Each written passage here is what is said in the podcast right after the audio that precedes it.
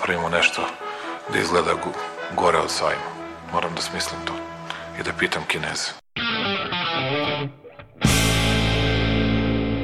I've today left hospital after a week in which the NHS has saved my life.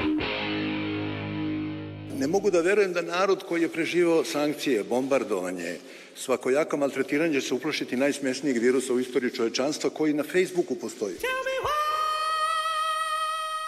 And now I'm better and maybe I'm immune, I don't know. Dobro večer. Mene su poslali iz štaba. Ja ću vam pomoći. Aleksandar Kocić Jelena Viser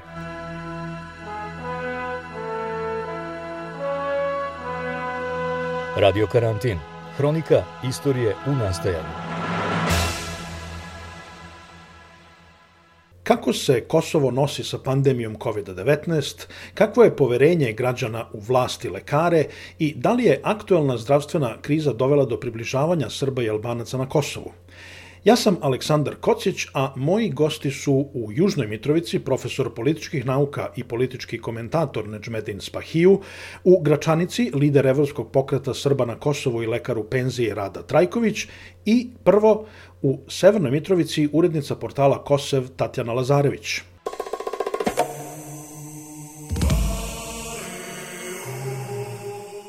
Evo, pandemija traje skoro godinu dana i u Srbiji i drugde u bivšoj Jugoslaviji videli smo da je to išlo u nekoliko talasa. Jel možete da mi malo rezimirate kako je išla pandemija u srpskim uh, delovima Kosova? E, ja bih rekao da je uh, manje više uh, prat, što se severa tiče, praćen je taj trend kakav je postojao uh, u Srbiji. Ali ovde postoji jedna specifičnost, a to su sredine južnog Ibra. I to je, rekao bih, specifičnost u odnosu na čitav region. Ne samo na Kosovo i na Srbiju, nego na čitav region. Zato što mi nismo u sredinama, većinski srpskim sredinama južnog Ibra imali praktično ni jednog re, registrovanog pozitivnog na COVID. Sve do onog drugog talasa, ja mislim, do 8. juna. Dakle, to je jako interesantno. E, nažalost, postojala jedna lažna vest na samom početku, a to je da praktično prvi registrovani pozitivni pacijent na COVID-19 u srpskim sredinama, uopšte na Kosovu, bio je upravo sa juga Kosova. I tu vest je saopštio direktor KBC-a iz Gračanice i uopšte njihove medicinske vlasti. Ako se dobro sećam, tu je bila čak i konferencija za štampu. Da bi u nekom trenutku posle više nedelja krenulo, koliko se ja sećam, bio je novinar Voje, odnosno dopisnik e, Glasa Amerike i urednik e, te privatne news press produkcije, ali u svakom slučaju poznati novinar sa Juga, Budimir Mičić, koji je objavio prvi sa saznanjima koje je imao, e, uključujući i porodicu, pre svega krenuo od porodice, da se da pacijentkinja koja je čak prebačena u Niš nije nikada bila pozitivna na COVID i da se radilo praktično nemaru lekara, šta više postojale su i tekako jake spekulacije da je e, to i namerno urađeno. To je negde pokušano da se zataška, onda su i drugi novinari s juga uh, izvršili pritisak uz porodicu koja je bila prilično aktivna da se dokaže da ona nije nikada bila pozitivna i na kraju je to zvanično i demantovano. Interesantno je e, po dva osnova s jedne strane stvarno nismo imali registrovane uh, pozitivne COVID pacijente na jugu, a s druge strane prva vest o prvom pacijentu je došla kao lažna i to upravo sa juga. Kažete mi u ovom trenutku e, kakva je trenutna situacija kod vas? Pune su bolnice, s tim što mi sve vreme imamo zvanična uveravanja da nema, nema ni govora o pucanju sistema, sad govorimo o srpskim, srpskom zdravstvenom sistemu, e, da je sve pod kontrolom, da postoji podrška države, Jedna stvar je, da kažem, jedna stvar je doprinela da lakše se lekari nose sa time, a to je da je Mitrovica nedavno dobila PCR laboratoriju svoju. Što mislim zaista vrlo važno uopšte za sve sredine srpske. Ja koliko sam razumela, to je vrlo teško da izvestimo o tome jer će redko ko da nam od, od zvaničnika potvrdi, ali uh, nije problem ni u kapacitetima uh, ljudskim, ni u samoj uh, ni, u samoj logistici, osim u broju testova. Dakle, broj testova je nešto što limitira, da upreko svemu tome postoji limit koliko testova može da se radi. To ne, koliko sam ja razumela, ne zavisi od lokalnih zdravstvenih vlasti, nego zapravo zavisi od dopremanja testova iz Srbije. Svakoga dana se vrši testiranje u sobstvenoj PCR laboratoriji. To sad ide, u istom danu se znaju rezultati. Ovaj COVID sistem i svega onoga što ja nisam prošla kroz to, još uvek na sreću, ali razgovarajući sa ljudima, onim koji su onako objektivni, oni kažu da tu postoji dobra organizacija, da se to dosta radi telefonom, da je razrađen sistem, to je sa jedne strane da se zna i protokoli terapija, respiratori, da, da ima dovoljno respiratora, da su odeljenja pretvorena u COVID, dakle ima kapaciteta. Gde je usko grlo, usko grlo i u broju testova. Naprimer, nedavno smo imali reportažu iz Leposavića gde vidi se da su dobro ljudi organizovani, ali koji ni ne smemo više od 15 uzoraka dnevno da šaljemo za Mitrovicu gde se vrši. Limit koji je nama kao opštini određen jeste 15, a kao redovi budu sa više desetina ljudi. Dakle, ista je situacija kao u Srbiji u broju, rekla bih u tom opsegu ljudi koji sumnjaju da su zaraženi.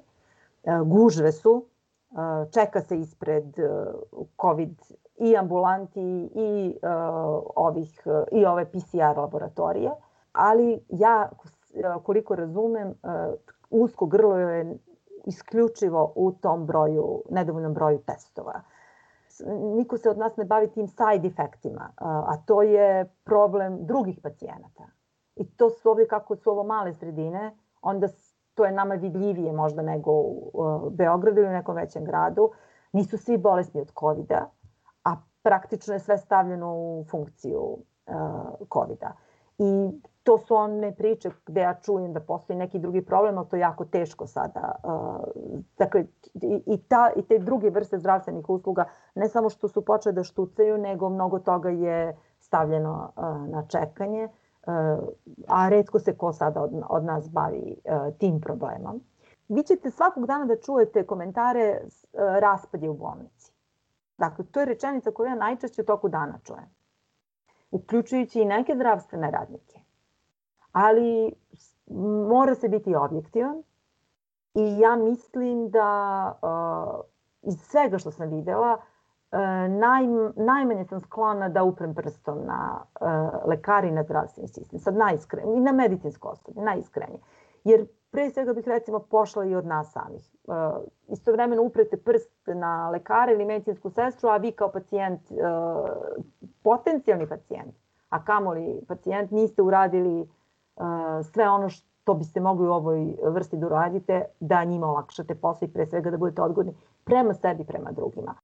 Primere radi to znači da se ne nose maske, da se ne drži distanca, da se uh, ne odriče uh, normalnog načina života, to znači slavlja, druženja, a istovremeno se žalite na mere koje su uvedene, na zatvorene kafiće, zatvorene teretane, a onda odete uh, ilegalno u objekat koji je otvoren i onda kada vam se desi, onda kažete raspad je u bolnici. Razumete šta hoćete da vam kažem? Ja sam sigurna da tu posle stvarno dosta organizacijnih propusta i verovatno i tih dugoročno strateških problema. Ali u ovako vanrednoj situaciji moja neka procena laička je da su sve ove sredine, i sad ne samo ovde kod nas, nego uopšte mislim na Balkanu, da sve, sva ta nekako neuređena društva gde se ljudi oslanjaju sam, sami na sebi i na mišiće, da su se nekako ovi sistemi pokazali opet elastičnijim nego neki sistemi možda u nekim državama zapadne Evrope, na primjer Francuski, gde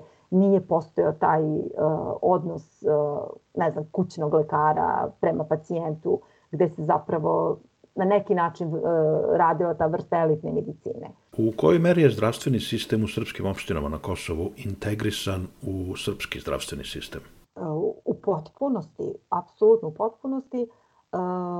Tu jedina specifičnost jeste ta ne samo fizička daljina, distanca, nego je tu ipak uspostavljena jedan integrisani granični prelaz, pa treba naravno sada prebacivati i pacijente i dopremati zdravstveni materijal. To do duše funkcioniše, više onako, ja bih rekla, prećutno odobravanje obe strane, nego što je to onako u potpunosti uređeno. Ali bilo je više puta problema i sa zastojem nekog materijala ili lekova. Najveći problem jeste, kad pričamo o, o toj integraciji zdravstvenog sistema, jesu lekovi i medicinski materijal kada su u pitanju državne apoteke. Državna apoteka već od početka briselskog procesa, možemo da kažemo, posebno unazad nekoliko godina, minimum, rekao bih 4 do 5, nema lekove, one prepisane po protokolu, praktično je poluprazna i ovde su takođe ljudi naviknuti da uzimaju sve lekove koje mogu kao del, kao, pošto su potpuno integrisani taj srpski državni sistem, na recepte. Ali vi unazad minimum 5 godina ne možete da na receptu kupite ni jedan lek u državnoj apoteci. I tu je sada razvijena jedna uh, nenormalna praksa koja deluje kao normalna situacija, to je da se ide u obližnju rašku i da se ti lekovi podižu na recept. Meni to onako dosta neobično bude, jer to što treba da platite benzin, kartu, da provedete vreme, da pređete granicu, da odete i da podignete, čini mi se da ponekad pomislim nije vredno truda, ali s druge strane zaista postoje ljudi kojima to znači, koji jeftinije plate kartu, spremni su i da se maltretiraju vremenski, ako je to lek od, ne, od par hiljada, na primjer. Čak i ako je mnogo manji, čak i ako je manji od hiljadu dinara. Penzioneri naročito su usmereni na to. Čak su neke inicijative postojale gde volonteri kojima se plati ipak za tu uslugu prikupe više porodica kojima su lekovi potrebni, pa onda jedan ide ili je unutar porodica to tako organizovano. Zato su ovde vrlo važne privatne apoteke. U privatnim apotekama, ja mislim u Srbiji da to može, ovde ne, sigurno. Ne možete ništa na državni recept da dobijete, sve kupujete. I interesantno je kod privatnih apoteka da su njihovi redovni pa, kupci i albanci sa juga jer su zaista dobro snabdevene, veruje se lekovima sa srpskog tržišta i jeftiniji su lekovi.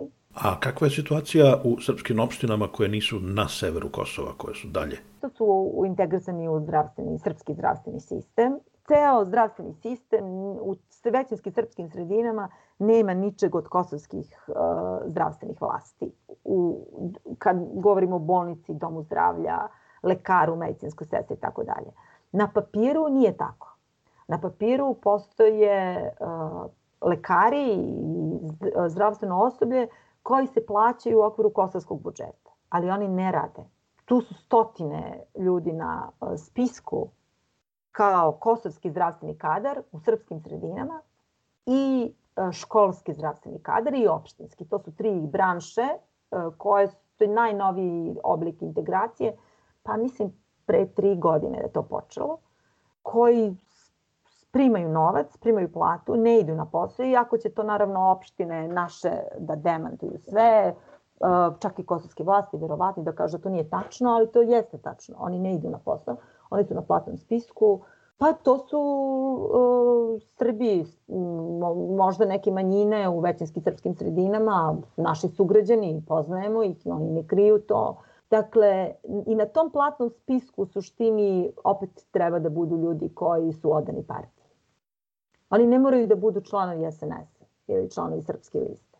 Ali oni znaju da je njihova dužnost da kad ih pozovu oni glasaju. Vi, vi, vi hoćete da kažete, izvinite što se prekidam, vi hoćete da kažete da su, da su ljudi koji su na neki način partijski vojnici Srpske napredne stranke uh, u Beogradu na platnom spisku uh, kosovskih vlasti u Prištini. Ne, ovde je to čerka partija Srpska lista. To je praktično SNS, kosovska varijanta SNS-a. Dakle, oni su, uh, oni moraju da budu lojalni Srpskoj listi. Oni moraju da budu lojalni vlasti, lokalno. Lokalna vlast je srpska lista, a srpska lista je e, praktično kosovska varijanta SNS i to se ne, to oni jednostavno ne kriju.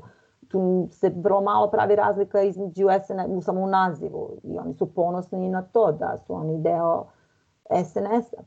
I e, nisu to, dakle ja poznajem ljude koji nisu članovi, možda su oni umeđu vremenu i postali članovi stranke, na primjer. Ne bi me to ništa iznenadilo.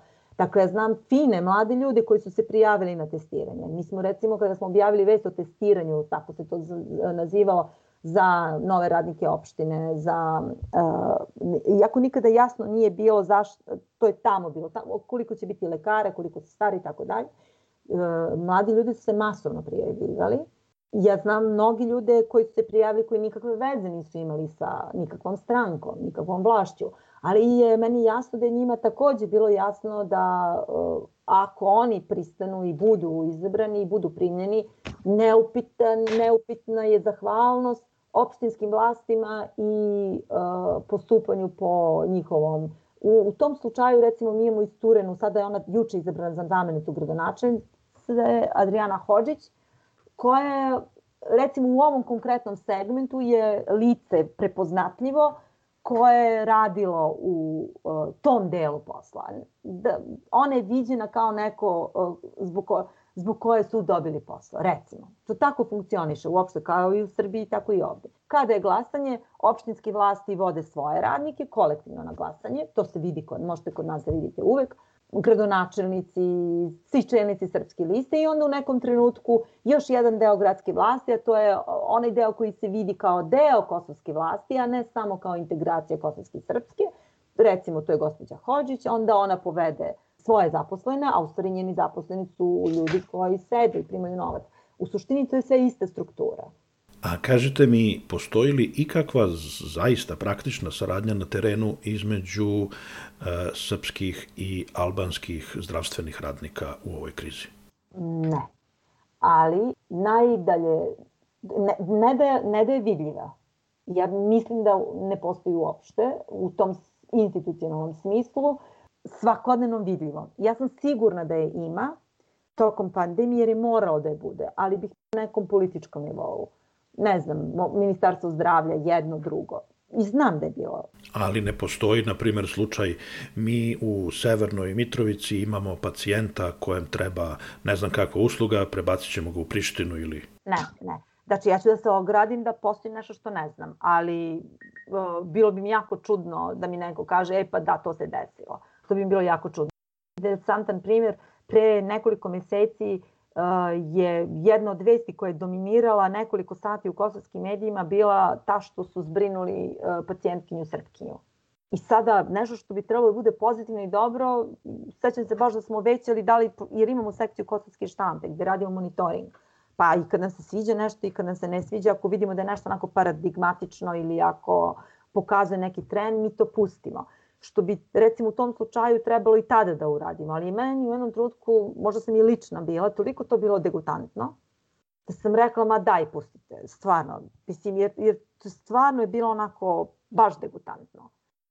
Kao da je to negde se provuklo kao vest, ali da to bude onako headline nekoliko sati, uh, kako su primili, kako je pacijentkinja dobro, ona je srpkinja, praktično vest je da su hospitalizovali pacijentkinju srpkinju. Jako, uh, koja, koja je kod njih potražala pomoć jer je negde u blizini bila, šta god to bilo, ili je pozlilo pa su morali... Da, to mislim da se dešava. Da u nekim sredinama gde nema blizu, vrlo malo tome znamo i sigurna sam da je to mnogo više nego što znamo. Da u sredinama gde nema blizu srpskih ambulanti ili domova zdravlja. E, sigurna sam da ljudi odlaze kod kosovskih lekara. U Prištini u Prištini nema Srba, da kažem, a Gračanica je blizu i to je taj kao KBC. Ali u Metohiji bih rekla. Ali i u Metohiji do duše postoji ambulanta, dom zdravlja i tako dalje i u Gnjilanskom pomoravlju, ali postoji ta uz, uh, izolovana sela gde je verovatno bliža neka ambulanta kosovska nego što je to sada bliže. I ja sam sigurna da tu ljudi idu. Počeće distribucija vakcine i Srbija i Kosovo su u programu COVAX, s tim što je Kosovo od svih delova bivše Jugoslavije, Kosovo je jedini deo koji e, nije samo finansirajući ne učestvuje finansijski, da li to praktično znači da kad se kaže Kosovo je u COVAX programu na taj način, se to odnosi samo na albanski deo Kosova? Pa ja verujem da kosovske zdravstvene vlasti nije mi logično da kažu ne, ne, ovo je samo za kosovske albanske sredine. Dakle, sigurno, u, u, u, u to sam sigurna da će da kažu da je za ceo. Vi ne očekujete saradnju što se tiče vakcinacije, da će sad vakcine koje stignu u Prištinu, jedan deo biti poslat u Mitrovicu? To, to očekujem samo u slučaju da da se bukvalno na relaciji uh, Beograd-Priština dogovori politički. Ovako ne. Sigurno ne. Jer ta dva sistema odvojeno funkcionišu jedan od drugog.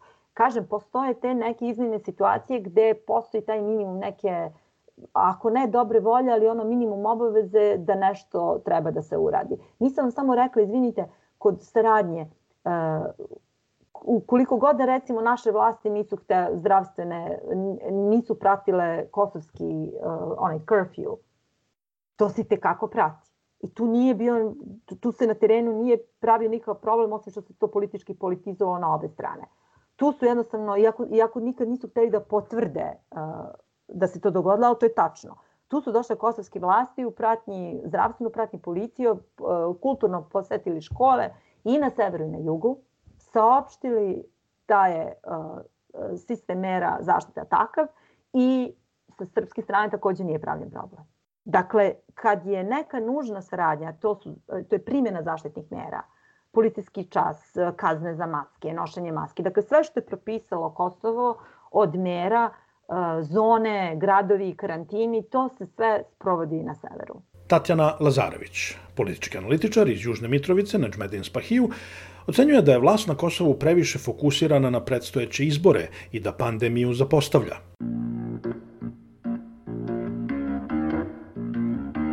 Radio karantin. Kako se vama čini situacija u vezi sa pandemijom trenutno i uopšte? Kako se Kosovo bori sa protiv pandemije?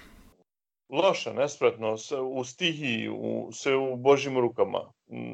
Ništa, ljudski faktor uopšte e, ne utiče na poboljšanje na, ili na nešto drugo, na sprečavanje ili što bi rekao sve, sve je u Božim rukama. Šta to konkretno znači? Gde, gde postoje najveći problemi?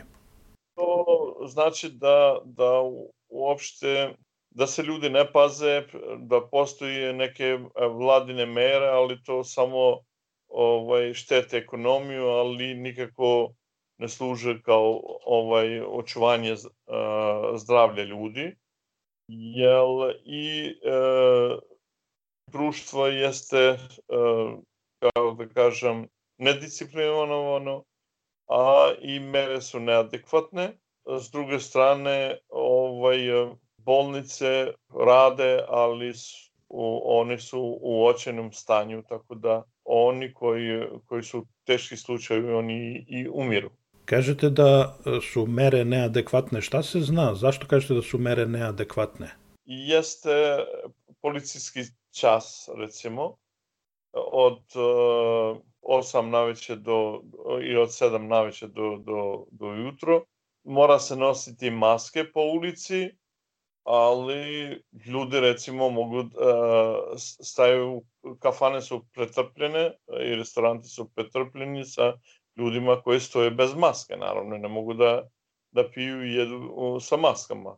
Gde tu recimo ima velike gužve, tako da, da to čini ovaj, besmislenim e, čini su da, da ljudi nose maske po ulicama, ako recimo pokraj ulice tu sede recimo jedan do drugog i, i tu se naravno prenese virus. Šta se zna i koliko su pouzdani podaci o broju žrtava pandemije na Kosovu?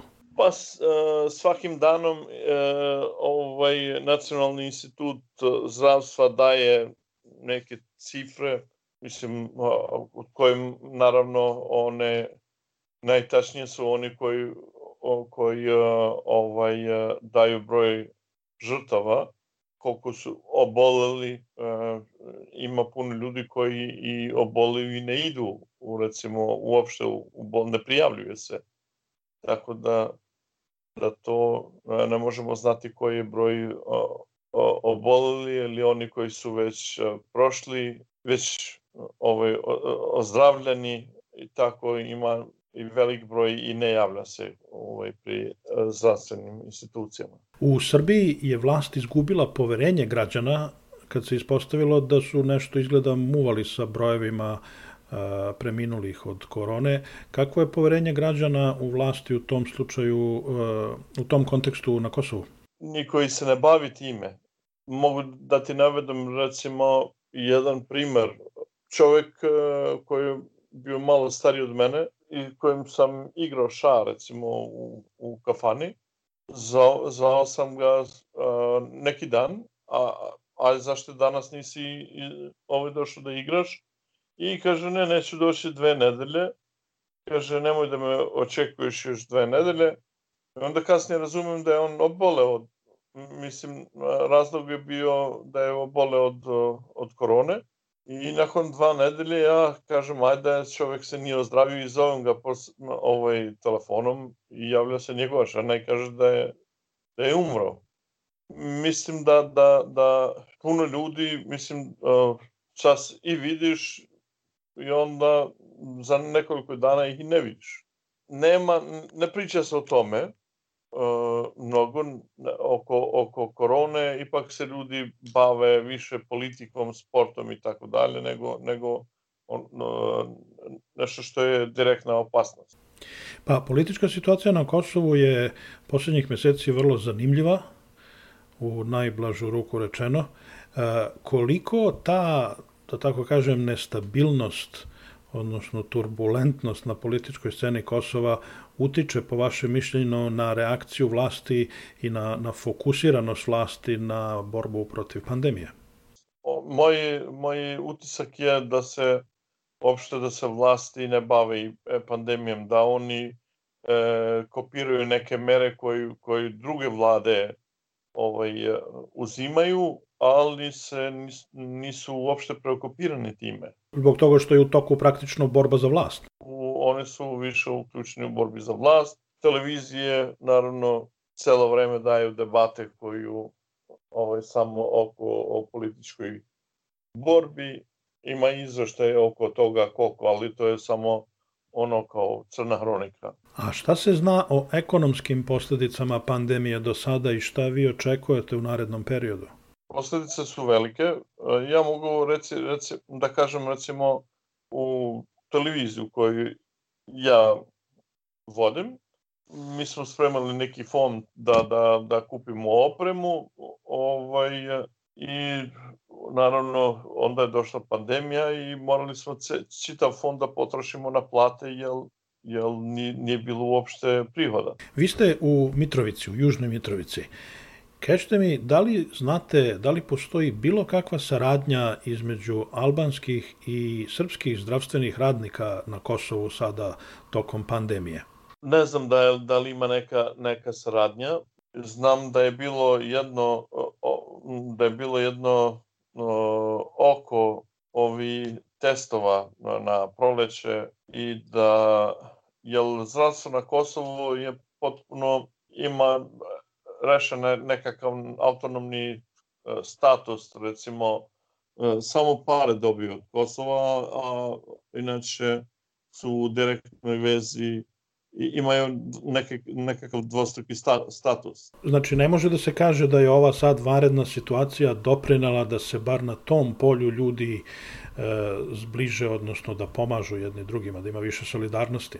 Ne, jer su ustanove, recimo, ustanove su, kako da kažem, odvojene, da recimo u, u, u sredini gde žive Srbi skoro da ne žive Albanci ili u sredinama gde žive Albanci ne, nema Srba. Tako da ovaj, ustanove, zdravstvene ustanove su odvojene.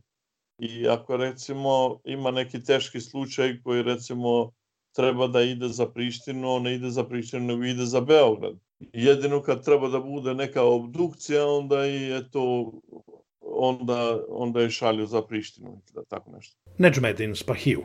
A sa kakvim izazovima se suočavaju srpski građani u takozvanim enklavama, dakle oni koji ne žive na severu Kosova? O tome za Radio Karantin govori predsjednica Evropskog pokreta Srba sa Kosova, Rada Trajković. Radio Karantin Svuda na Kosovu, pa normalno i u Gračanici, stanje je vrlo teško, s obzirom da je uglavnom ruralno stanovništvo, kulturološki ono je ono što kažu usmereno na druženje, na vrlo teško se odvikavaju u stvari onih navika koje imaju da budu zajedno, da provode vreme zajedno, da idu na posao u okviru jedne male e, sredine, s obzirom da je to enklava, ta usmerenost jedne na druge je velika i samim ti veliki izazov za prenošenje ili za inficiranje ljudi. Makoliko činili na nečemu što je edukacija u smislu poštovanja pravila, kao što je nošenje maski, kao što je udaljenost, to zaista za jednu ruralnu sredinu i za objašnjavanje predstavlja veliki problem, pa samim tim do skoro je Gračanica bila proglašena kao, ja bih kazala, crnom zonom u smislu broja obolelih. Šta se zna o broju obolelih i umrlih? To su stvari koje treba da vode e, računa institucije za javno zdravlje. To imate specifičnost, nažalost. Institucije za javno zdravlje srpske i albanske su odvojene, tako da prostor je mali, Kosovo ima samo 10.000 kvadratnih kilometara, a nema neke aktivne saradnje koja bi bila od velikog značaja u smislu nečega što podrazumeva zajednički izveštaj o stanju pandemije na tom prostoru. Znači svak vodi neku svoju statistiku koja u dobroj meri zbog neorganizovanosti ne verujem u podatke da je potpuno tačno. Ono što zabrinjava jeste što smo imali oboljevanje i smrtnost nekoliko vrsnih lekara, što govori u stvari o lošem odgovoru u smislu organizacije i borbe protiv covid -a. Kada ljudi misle da imaju COVID ili ne daj Bože ako dođe do komplikacija, oni se obrate lokalnim zdravstvenim ustanovama u Gračanici. Ako su teži slučajevi, gde idu? Ako su teži slučajevi, prosto smo, sam region Kosova je podeljen u nekoliko centara kojima, prema kojima su usmerene. Recimo, sever Kosova obično ide a, prema Kraljevu, Sada je nešto vlada Srbije odredila da Niš bude centar gde će svi pacijenti sa Kosova se usmeravati.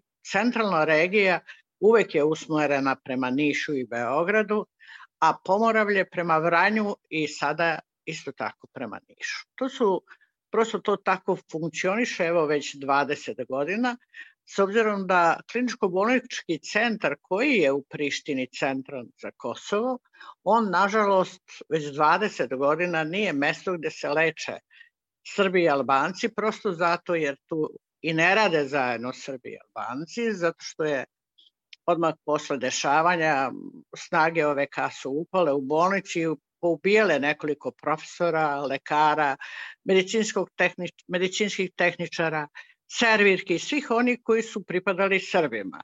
I od tada a, imamo potpuno odvojena dva sistema koja funkcionišu tako na jedan, što bi kazali, odvojen način. Ja kada sam bila direktor Doma zdravlja u Gračanici, trudila sam se da makar privučemo pacijente, pa ako već sa kolegama ne radimo zajedno, onda pacijenti zbog kvaliteta usluga su dolazili kod nas i mi smo činili usluge u smislu transporta gotovo odmah posle 2000. godine prema centralnoj Srbiji, jer isto tako i mnogi Albanci su tražili lečenje u institucijama zdravstva u centralnoj Srbiji.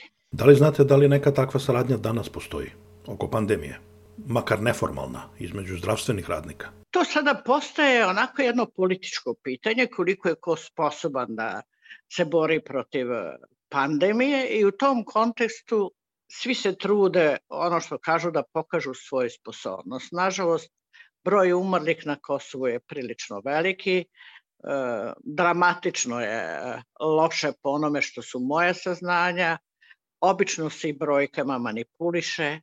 Vi sad imate jednu užasnu stvar da recimo Srbi sa severa i to nekih desetak, dvadeset primilo je vakcinu u, na, na, na prostoru Kosova i Metohije, a koja je došla normalno na ilegalan način. Izvinite samo da vas prekidam. Normalno na ilegalan način?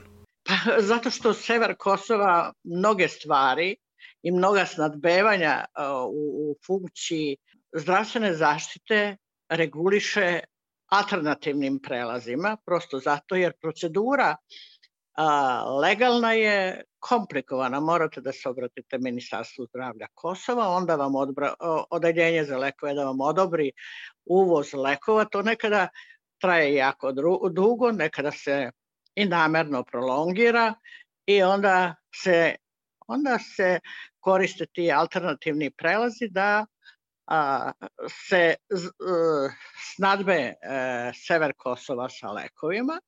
Njima je lako, ali problem je recimo nama u enklavama.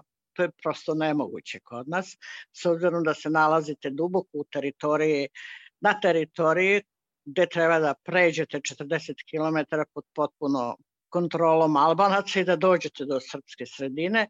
Tako da smo imali vakcinaciju neku na severu, Nakon toga nastao je veliki politički problem.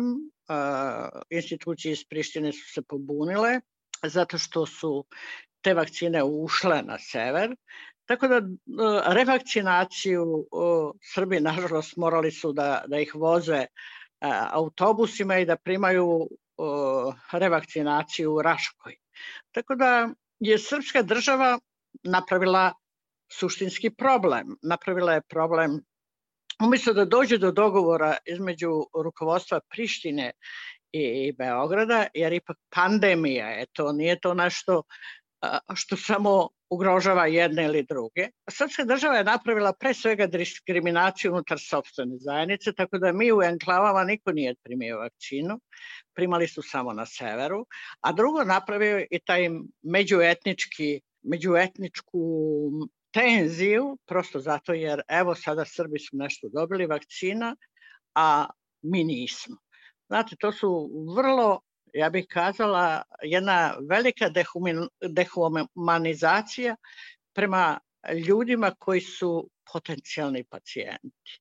Ja mislim da je to trebalo, s obzirom da je dole i međunarodna zajednica, da se uradi na jedan mnogo korektniji način i da dostupnost vakcina bude dostupna svima ili ne bude e, dostupna nikome, ovako da jedni primaju zato što su Srbi, a drugi ne. Znate, to, to za mene u ovo vreme predstavlja problem, a posebno što mi u klavama ne možemo da primimo. Evo sada recimo će da se organizuju neki autobusi, pa Srbi iz Englava da se prebacuju do Šumlije, pa tamo da primaju vakcine, pa onda da se ponovo autobusima vrate u enklave i nakon normalno revakcinacije ponovo da voze i ponovo da se vraćaju, to sve a, predstavlja u stvari realan život. Zaista zvuči absurdno, vi ste praktično u predgrađu Prištine. I sad će ljudi da idu u Kuršumliju ili u Niš ili u Vranje po vakcine ili šta već, e, zdravstvene usluge, a Priština vam je tu ovaj, iza čoška. Da, ali Priština nema te vakcine, oni još nisu u poziciji da... Uopšte mislim na zdravstvene usluge, ne mora da bude samo vakcinacija u pitanju. Ako imate, ne znam, pacijenta sa COVID-om koji ima teži slučaj? Oni putuju do Niša. Moram da vam kažem, to je tako već 20 godina onog trenutka kada su klinički centri u Prištini i, i bolnice potpuno ispražnjene od Srba.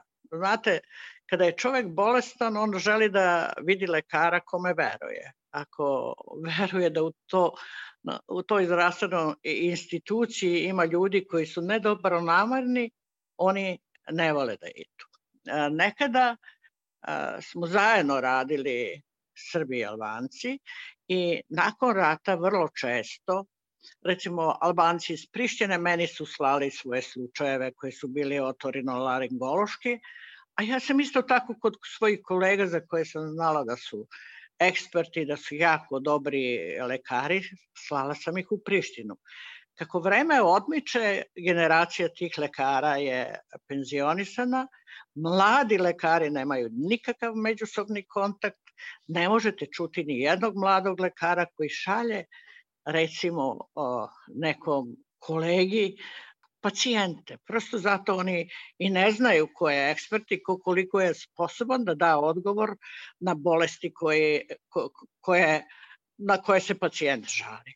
Tako to je jedno potpuno udaljavanje što se tiče e, nečega što predstavlja normalno, ali prosto mislim pandemija je globalni problem i ona bi zaista po svemu trebala da ima a, nešto što podrazumeva zajednički odgovor, jer prosto ne možete, ako ima a, korone kod komšije Albanca u drugom selu, da vremenom zbog komunikacije, trgovine, jer već sada se kupuje u trgovinama koje drže Albanci, servisi za opravku kola koje drže Srbi.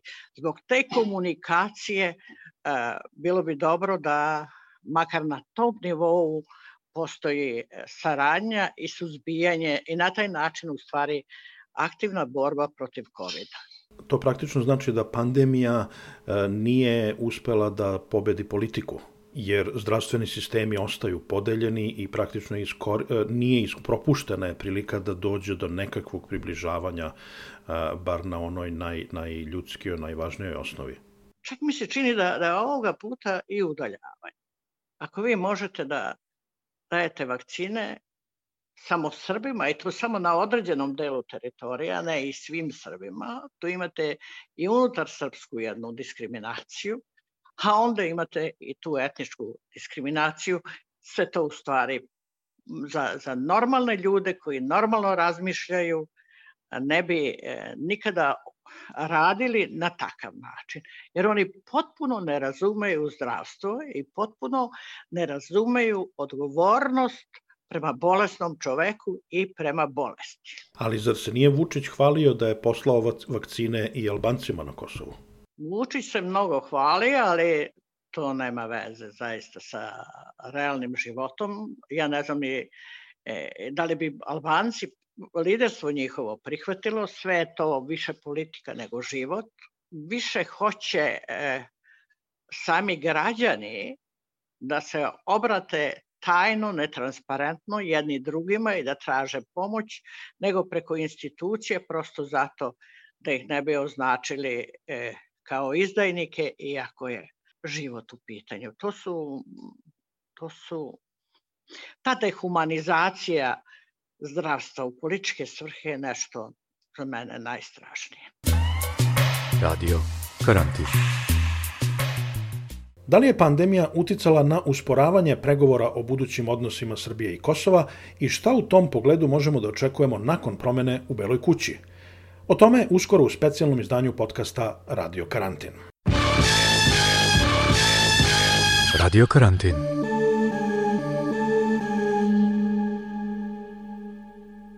I kad ste već ovde, mi bi da vas zamolimo za pomoć. Pomozite nas novčano.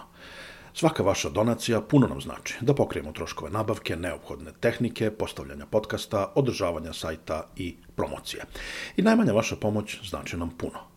Od nas ćete dobiti godišnji izveštaj o utrošenom novcu. Možete da nam pomognete jednom ili na redovnoj, nedeljnoj ili mesečnoj osnovi. Možete da nam date 1 evro, dolar, funtu, dinar ili šta vam zgodno, a može i 100. Jednostavno je i ne oduzima puno vremena. Sve informacije o tome kako da nas pomognete imate na našem web sajtu radiokarantin.eu. Hvala vam što slušate i čitate Radio Karantin i što nas podržavate.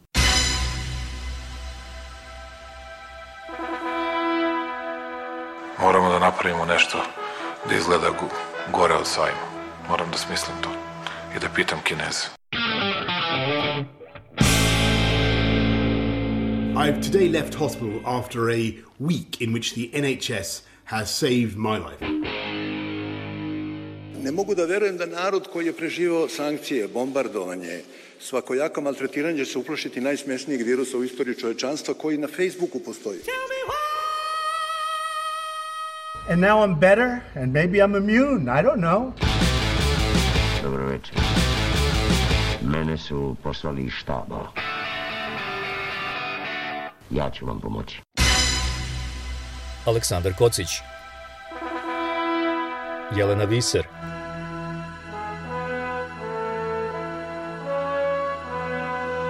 Radio Karantin Hronika istorije u nastajanju